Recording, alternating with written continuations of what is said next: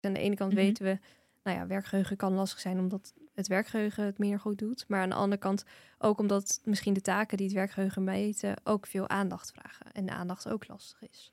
Dus dat is ook weer erg in de observatie. En als de aandacht lastig is, is ook weer de vraag welke aandacht is lastig. Is het lastig om het even te trekken? Is het lastig om het te houden? Te verspreiden tussen dingen? En daar kan je dan ook weer gerichte adviezen op geven. Dus wat, wat helpt diegene om die aandacht te behouden? Welkom bij de Pearson Podcast. In deze podcast nemen we je mee in de wereld van diagnostiek en behandeling binnen de geestelijke gezondheidszorg. Ik ben Meerte Wildenbeest, psycholoog en productadviseur bij Pearson en ik interview professionals uit het werkveld om antwoord te geven op vele brandende vragen. Voordat we verder gaan, nog even dit. Stel je voor, je neemt een intelligentietest af en je moet voor de afname of interpretatie afwijken van de instructies uit de handleiding. Hoe nu verder? Misschien is dan een van de trainingen uit de reeks Intelligentiediagnostiek bij klinische groepen iets voor jou. In deze trainingen krijg je concrete tips en praktische handvatten die je kunt inzetten bij ADHD, autisme, hoogbegaafdheid, laagbegaafdheid en mensen met een migratieachtergrond. Kijk voor meer informatie op www.pearsonclinical.nl slash podcast.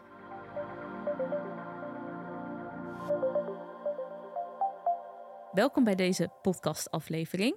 In deze aflevering staat de volgende vraag centraal, namelijk wat is de invloed van ASS en of ADHD op de IQ-score?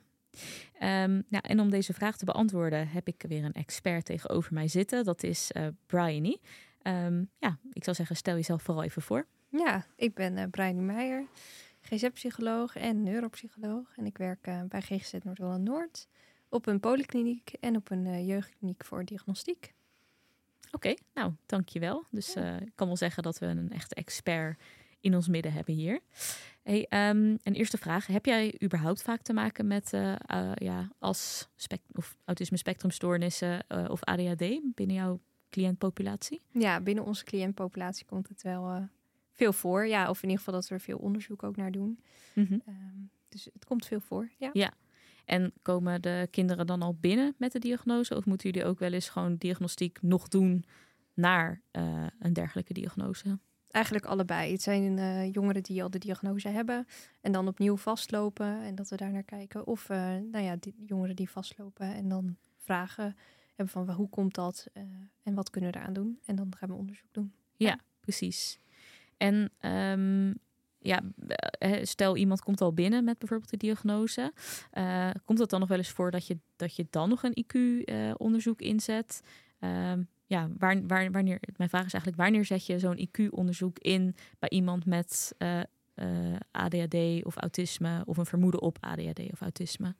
Ja, eigenlijk als je niet zo goed snapt waarom, waarom het niet lukt, bijvoorbeeld op school. Mm Mhm. -hmm. Dus dat je ondanks, of ondanks uh, dat iemand al wel een diagnose heeft, maar eigenlijk de dingen nog niet geholpen hebben en dat je niet goed weet waarom, waarom iemand vastloopt en wat kan helpen vooral ook. Dus dat, dat er echt vraag is van, hé, hey, wat zouden nog adviezen kunnen zijn? En we snappen gewoon niet zo goed waarom iemand vastloopt. En uh, wat zijn eigenlijk de sterke kanten, maar wat zijn ook de zwakke kanten en hoe kunnen we daarop aanhaken? Mm -hmm. ja. ja. dus op die manier zet je hem dan, dan toch wel in. Ja. Uh, maar ja, is het zo dat je op basis van een IQ-profiel al kan zeggen van iemand uh, heeft uh, ADHD of autisme? Of, ja, hoe werkt dat? Nou, eigenlijk stellen we niet een diagnose op basis van een IQ-profiel, maar kijken we mm -hmm. daar meer naar wat de sterke en zwakke kanten van iemand zijn. Maar wat je natuurlijk wel tijdens een afname kan zien is nou, qua observaties. Hoe komt iemand over? En dat er ook vaak, nou ja, met, qua taak aanpak en hoe iemand soms uitvalt, wel wat aanwijzingen kunnen zijn. Mhm. Mm -hmm. Maar om zo'n diagnose te stellen is vooral ook een ontwikkelingsamnesie heel belangrijk. Dus hoe was iemand als kind? Is het iets wat al langer is? Want een ADHD en een autisme spectrumstoornis is iets wat je hele leven hebt. Het is een ontwikkelingsstoornis, dus daarvan is ook heel erg belangrijk dat het niet iets is van nu, mm -hmm. uh, maar iets wat al nou ja, iemand al zijn hele leven heeft, om, om daar goed naar te kijken. Ja. Uh, en om daarnaast uh, nou ja, goed de kenmerken vast te stellen. Dus bijvoorbeeld met een, een diva bij ADHD een interview en een uh, autisme interview om goed de kenmerken langs te lopen. Mm Ja. -hmm. Dus alleen een IQ-onderzoek, dat is niet uh, afdoende, uh, nee, neem ik nee, aan. zeker nee, niet. Nee, Nee, oké. het kan meer een hypothese Ja. vormen bijvoorbeeld of kenmerken van beschrijven. Ja. Nou, het is goed dat je het zegt. eh, en eh, volgens mij staat het inderdaad ook in de handleiding vaak van IQ-testen. Van, eh, het is geen diagnostisch instrument. Nou, en je noemde net ook wel iets interessants van... je, kijkt dan eigenlijk wel in een IQ-onderzoek... naar hoe kinderen dan bepaalde taken aanpakken. Wat zijn bijvoorbeeld typische dingen die je tegenkomt... bij kinderen met ADHD? Nou ja, wat je eh, kan zien in een, ook al is het een één op één setting waar kinderen het vaak beter doen dan eh, in een klassetting, Mhm. ehm, dat ze toch afgeleid natuurlijk kunnen raken of eh, drukker zijn soms als het om het hyperactieve of impulsieve deel gaat. Eh, dat ze moeilijk kunnen stilzitten of eh, het moeilijk vinden om de aandacht bij de taken te houden of bij de instructie te houden. Eh, moeilijk vinden om bijvoorbeeld bij cijferreeksen de cijfers te kunnen onthouden. Ehm, en daarnaast, nou ja, hoe inderdaad eh, lukt het om, zeker bij, vaker bij jongere kinderen wordt dat hyperactief eh, gezien, Mhm. eh, lukt het om, om stil te zitten, bijvoorbeeld op de stoel tijdens de taken? Of eh, gaan ze heel, lukt het om de instructie af te wachten? Of gaan ze meteen aan het werk en denken ze, nou, die instructie kan me gestolen worden, Ja. ik ga meteen. Dus dat zouden natuurlijk wel dingen kunnen zijn die opvallen. Mhm. Waarbij natuurlijk ook voor aandacht ook andere dingen achterliggend kunnen zijn dan alleen ADHD. Dus wat je dan kan doen is beschrijven van, nou, de aandacht zel- in deze één op één setting Mhm. op dit moment eh, was lastig, moeilijk te trekken of moeilijk te behouden. Ehm, nou ja, met andere kenmerken zou gedacht kunnen worden aan ADHD. Of het komt vaker voor bij kinderen met ADHD. Maar het zou natuurlijk ook kunnen door problemen met slaap. Of eh, als iemand iets naars heeft meegemaakt. zijn ook redenen om eh, nou ja, de aan, dat de aandacht wat minder is. Ja, precies, Ja. precies. En hoe zit dat bij autisme? Zijn er daar typerende dingen voor die, je die je vaak terugziet bij de observaties van een IQ-onderzoek? Ja, bij autisme is het wel wat lastiger, omdat autisme spectrumstoornis heel breed is. En de ene jongere of kind met autisme spectrumstoornis is niet het andere jongeren. Wat natuurlijk één kenmerk van het autisme spectrumstoornis is, is wel het contact met anderen. Mhm. Waarbij eh, daar in de observaties soms wel wat opvalt van de moeite met contact maken of de moeite met nieuwe contact maken. Mhm. Eh, wat ook bij jongens en meisjes soms weer heel erg uit elkaar kan liggen, waar meisjes soms meer aangeleerd gedrag al hebben. Wat misschien in een IQ-setting niet zo opvalt dat het moeilijker gaat. Omdat ze veel hebben aangeleerd en het eerste moment wel goed kan gaan. Ja, ja. Ja. dus bij autisme ja, kan je het wat minder makkelijk zien in zo'n IQ-onderzoek. Ja, Puur omdat het gewoon een ja, paraplu-term is voor eh, zoveel verschillende eh, ja, soorten autisme, wil ik zeggen. Maar dat klopt niet, maar meer het is echt een, een, ehm, ja, een dimensie natuurlijk. Dus eh, Ja. ja. ja, en soms komen Ja. er wel aanwijzingen naar voren als je merkt dat iemand eh, heel veel structuur nodig heeft, omdat hij anders bijvoorbeeld ontregelt of eh, veel tijd nodig heeft. Kan, kunnen aanwijzingen zijn voor autisme of dat het contact bijvoorbeeld Mhm. wel heel moeilijk gaat en ook niet groeit binnen, binnen zo'n onderzoek. Mhm. Of iemand die heel moeilijk ja, cont- het contact aangaat of zelfs uit de weg gaat. Kunnen natuurlijk wel aanwijzingen zijn. Ja, precies, natuurlijk. Ja. Hey, en ehm, ja, kan je stellen dat het IQ lager uitkomt standaard bij kinderen met ADHD of eh, autisme? Nee, dat kan je eigenlijk niet, eh, Nee. niet zo stellen. Nee, je hebt ook natuurlijk ook binnen ADHD en autisme weer een hele, nou ja, allemaal verschillende mensen. Dus het is echt niet zo dat het IQ standaard lager eh, uitkomt. Nee, zeker niet. Standaard hoger denk ik dan ook niet, hè? Nee, ook nee. niet. Nee, nee, nee. Je, en ehm, als je de groepen bekijkt, zitten er wel wat verschillen in bij, bij autisme groepen. Dus als je de groep mensen met autisme spectrumstoornis vergelijkt met, nou ja, mensen die dat niet hebben, Mhm. wordt er wel vaak gezien dat bijvoorbeeld op de WISC 5 de matrix redeneren wat hoger uitkomt. Eh, en de verwerkingssnelheid wat lager. En bij eh, ADHD wordt wel verwacht dat het werkgeheugen eh, moeilijker is. Ehm, en je hebt daar de aandacht voor no- nodig en überhaupt het werkgeheugen lastiger kan zijn. Maar wat natuurlijk lastig is, als je iemand voor je hebt, je weet niet hoe diegene zou zijn zonder ADHD of zonder autisme. Dus stel je Mhm. voor, je hebt iemand voor je met ADHD, die scoort op werkgeheugen, ik zeg 110 bijvoorbeeld. Ja. Dan denk je, nou, prima scoren. Maar je weet natuurlijk niet of ze, als ze geen ADHD had gehad, misschien wel 130 op werkgeheugen had gescoord. En dat is het lastige. Je zou nooit weten wat de vaardigheden zouden kunnen zijn als ze geen ADHD hebben gehad. Ja. Of autisme. Ja. Ja. precies. Ja. En heb je het idee dat er ehm, ja, stigma heerst op eh, dat mensen met ADHD of autisme dat die, dat die juist lager zouden uitvallen? Of bij autisme denken mensen soms ook juist van hè, nee, nee, dan eh, zal diegene wel heel erg slim zijn. Bestaat dat stigma nog? Of ehm, zie je dat eigenlijk niet zo terug? Nou, ik vind, vind een goede vraag, maar ook wel lastig te beantwoorden. Ik denk dat er ook heel Mhm. veel verschil in zit. Dat sommige mensen dat inderdaad wel denken. Die denk, sommige mensen denken misschien ook nog wel aan Rainman, die, die het dan Ja, laat vallen. precies. En Ja. denk ja, het is super ja, in- slim. In, films en zo, dan Ja. komt dat wel eens naar voren. Dat je denkt, oh nou, autisme, hè, dan zou je wel slim zijn. Ja, Ja. ja, en er zijn ook misschien juist wel mensen die denken, oh nou, autisme, nou dan zou je het wel helemaal niet snappen, zeg maar. Mhm. Maar er zijn denk ik ook heel veel mensen die daar helemaal niet zo over nadenken. Of, eh, ja. Dus ik denk dat dat heel erg verschillend is. Ja, Ja. precies. Ja. Hey, en eh, je noemde net een aantal dingen waarop ehm, kinderen met eh, ADHD bijvoorbeeld uitvallen. Dus je noemde volgens mij werkgeheugen. Zijn er nog andere, ja, andere factoren waarbij wordt gezien van nou, daar hebben ze in het algemeen moeilijker mee? Ja, dit is inderdaad als je een groep met mensen met ADD zou vergelijken met een groep Precies. mensen Ja. niet. En eh, verder is het natuurlijk individueel heel erg verschillend. Wat als iemand zo'n taak, taken met jou gaat maken, Mhm. wat gebeurt er dan? En hoe lukt het dan met die aandacht? Lukt het om het één op één misschien wel te doen waar het in een klas niet lukt? En scoren ze dan gewoon nou ja, wat ze kunnen op dat moment? Ja. Of, of raken ze net tijdens, ik weet niet, zeg maar wat tijdens figuurzoeken, afgeleid omdat er een vogel buiten aan het vliegen is. Dus dat is ook weer heel individueel. En dan moet je ook weer kijken naar de, naar de afname op dat moment. Mhm. En dat ook beschrijven, denk ik, wat er op dat moment gebeurt. Ja, Ja.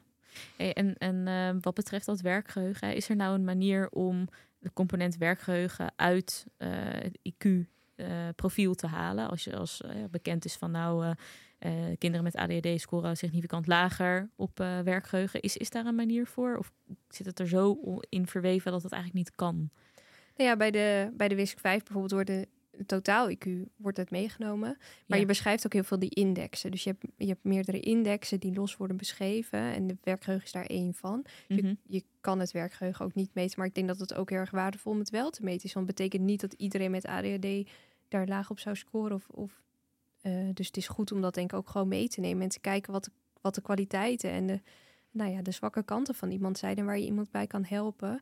Want het betekent ook dat je kan inschatten van hoe moeilijk is dat werkgeheugen en waar ligt dat eigenlijk aan? Eh, Mhm. kan iemand misschien tijdens die taak wel goed focussen of lijkt het intern afgeleid, extern afgeleid? En als iemand wel kan focussen, is het dan toch het werkgeheugen en niet per se de aandacht? Dus dat je daar ook op kan letten en gericht adviezen kan geven. Als het al dus uitvalt, want misschien valt het wel helemaal niet uit en is het voor die leeftijd of het niveau wat iemand op school doet eigenlijk wel goed genoeg. Ja. Ja. En wanneer, dat ben ik ook wat benieuwd naar, wanneer spreek je nou eigenlijk van uitval? Want eh, volgens mij noemde je het voorbeeld al eerder hè, van iemand had met werkgeheugen een score van 110. Nou, dat is echt een prima score. Ja. Ehm, ja, kan je dan bijvoorbeeld nog spreken van uitval als diegene op de overige indexen een score van, ik noem maar wat, 130 eh, haalt? Kan je dan nog spreken van uitval of niet? Ja, ik zou dan wel voor diegene beschrijven natuurlijk dat het een zwakke punt is, omdat de rest van de vaardigheden veel hoger zijn. Mhm. Eh, dus als je dan kijkt naar het functioneren van diegene, zou die over het algemeen gemiddeld functioneren, hè? ook op het werkgeheugen, maar ten opzichte van zijn eigen andere vaardigheden het wel moeilijker hebben. Mhm. Ja. Maar heeft diegene daar dan ook last van in het dagelijks leven? Eh, bijvoorbeeld op school, ik noem maar wat. eh, Ja. een- Dat ligt natuurlijk ook heel erg aan welk niveau die, diegene doet. Als die, Mhm. ik weet niet, op VWO of VWO plus zit, dan, dan kan dat misschien wel tot moeilijkheid leiden als je op nou ja, VM, die- eh, VMBO niveau eh, werkgeheugen hebt. Ja. Ja. Ja, dus op die manier wel. En dan kan ik me voorstellen, misschien op de basisschool, dat je het dan wat minder merkt, omdat, tenminste dat is mijn aanname hoor, dat op basisschoolniveau eh, richt zich een beetje op het gemiddelde, Ja. gemiddelde kind. Dus dan zou diegene er weer wat minder last van, eh, Ja. of misschien nooit hebben gemerkt. Dat zou natuurlijk ook Ja. kunnen. Ja. Ja, en ook binnen jezelf misschien dat je denkt, oh ja, alle vaardigheden gaan best Mhm. wel goed. Ja. Eh, of, of bent een bepaald niveau gewend. En dit valt dan toch steeds net wat minder ten opzichte van de snelheid die je met andere dingen gewend bent. precies. Ja, ja. Dus op die manier kan diegene daar dus toch wel hinder van ondervinden. Ja, zeker. Ja. Ja. Hey, en ehm, we hebben het dus gehad over de ADHD-groep ten opzichte van eh, een gezonde populatie. Ehm, ja, de autismegroep versus gezonde populatie, kan je, daar kan je dan niet echt een lijn in, in zien van waar zij slechter op scoren qua onderdelen van, noem maar wat, de WISC. Nou, er zit dus ook heel veel variatie eh, in. Wat dus wel gezien wordt bij de WIS dat ze vooral matrixredeneren wat beter doen. Matig ze- redeneren juist beter. Ja, dat ze goed zijn in die patronen zien. Aha. Eh, als je dus weer de groepen vergelijkt. Dit zegt dus niks over iemand individueel. Ehm, en soms wat meer moeite hebben met de verwerkingssnelheid.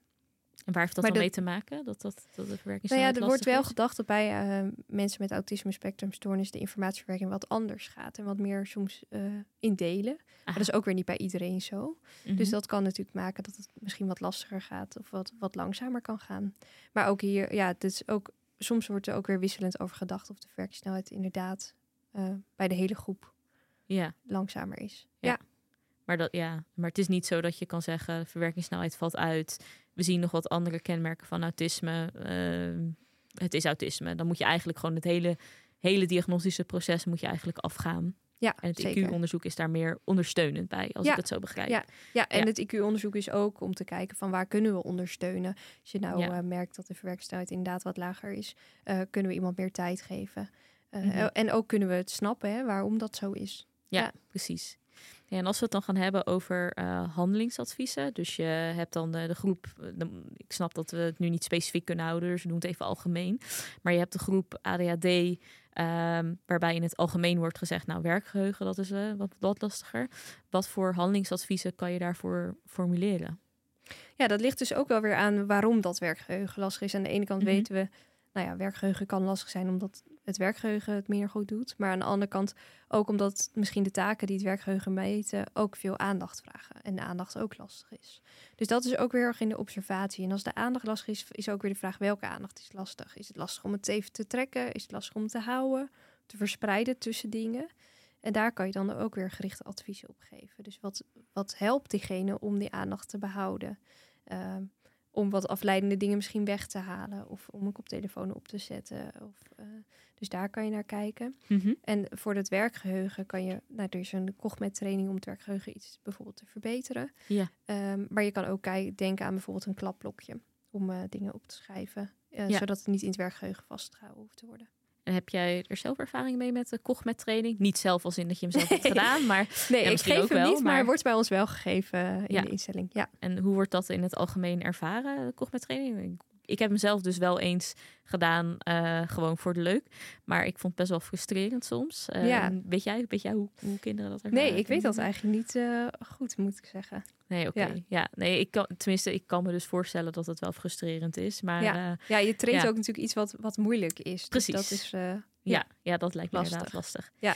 Hey, en ehm, ik had ook nog een vraag over, eh, want je noemde daar in het begin al wel iets over van eh, ADHD, eh, nou, werkgeheugen, aandacht. nou, dat kan ervoor zorgen hè, dat ja, IQ-onderzoek toch wat moeilijker is, dat er bepaalde onderdelen toch wat, dat er lager op wordt, lager op wordt gescoord. Ehm, nou vraag ik me af, als een kind of jongere bijvoorbeeld medicatie neemt, dus wat wordt er ingezet voor de Ritalin of zo, mhm. Ehm, kan het dan zijn dat het IQ-profiel nog hoger uit gaat komen?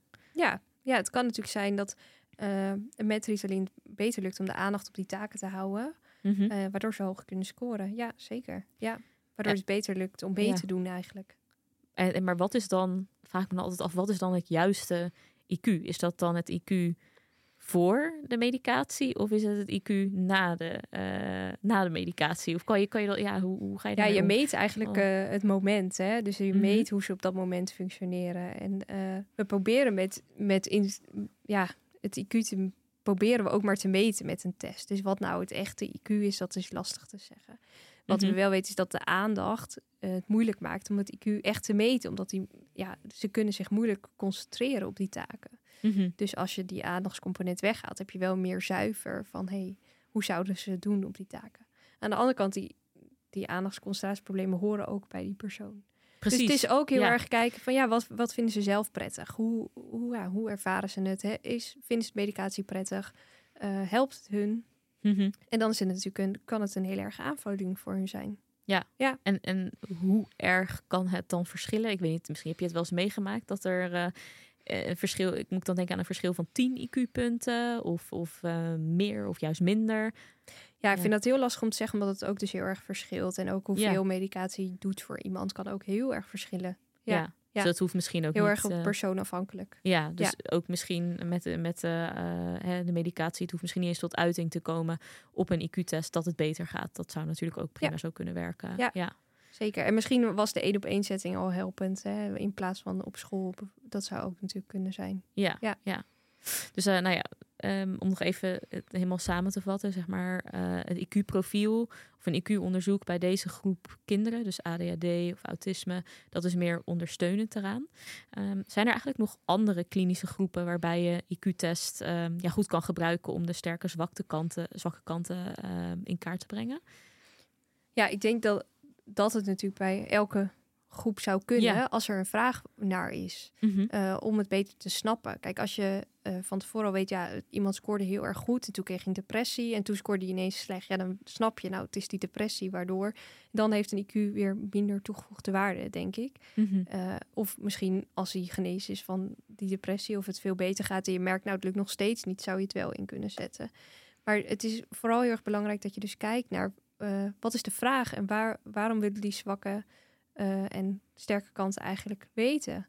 Eh, hoe kunnen we diegene daarbij helpen op school of thuis? En wat, wat is eigenlijk je vraag? Wat is de verwachting van Ja. zo'n IQ-onderzoek? Oké. Ja. Nou, het lijkt me mooi om, om mee af te ronden. Dus IQ-onderzoek is eigenlijk vooral kijken of het nuttig is. En niet, om, ja, niet iets wat je standaard eh, zomaar moet inzetten bij elke persoon die binnenkomt. Nee, dat zou Dat, ik niet eh, doen. Nee, Nee, oké. nou, hartstikke goed.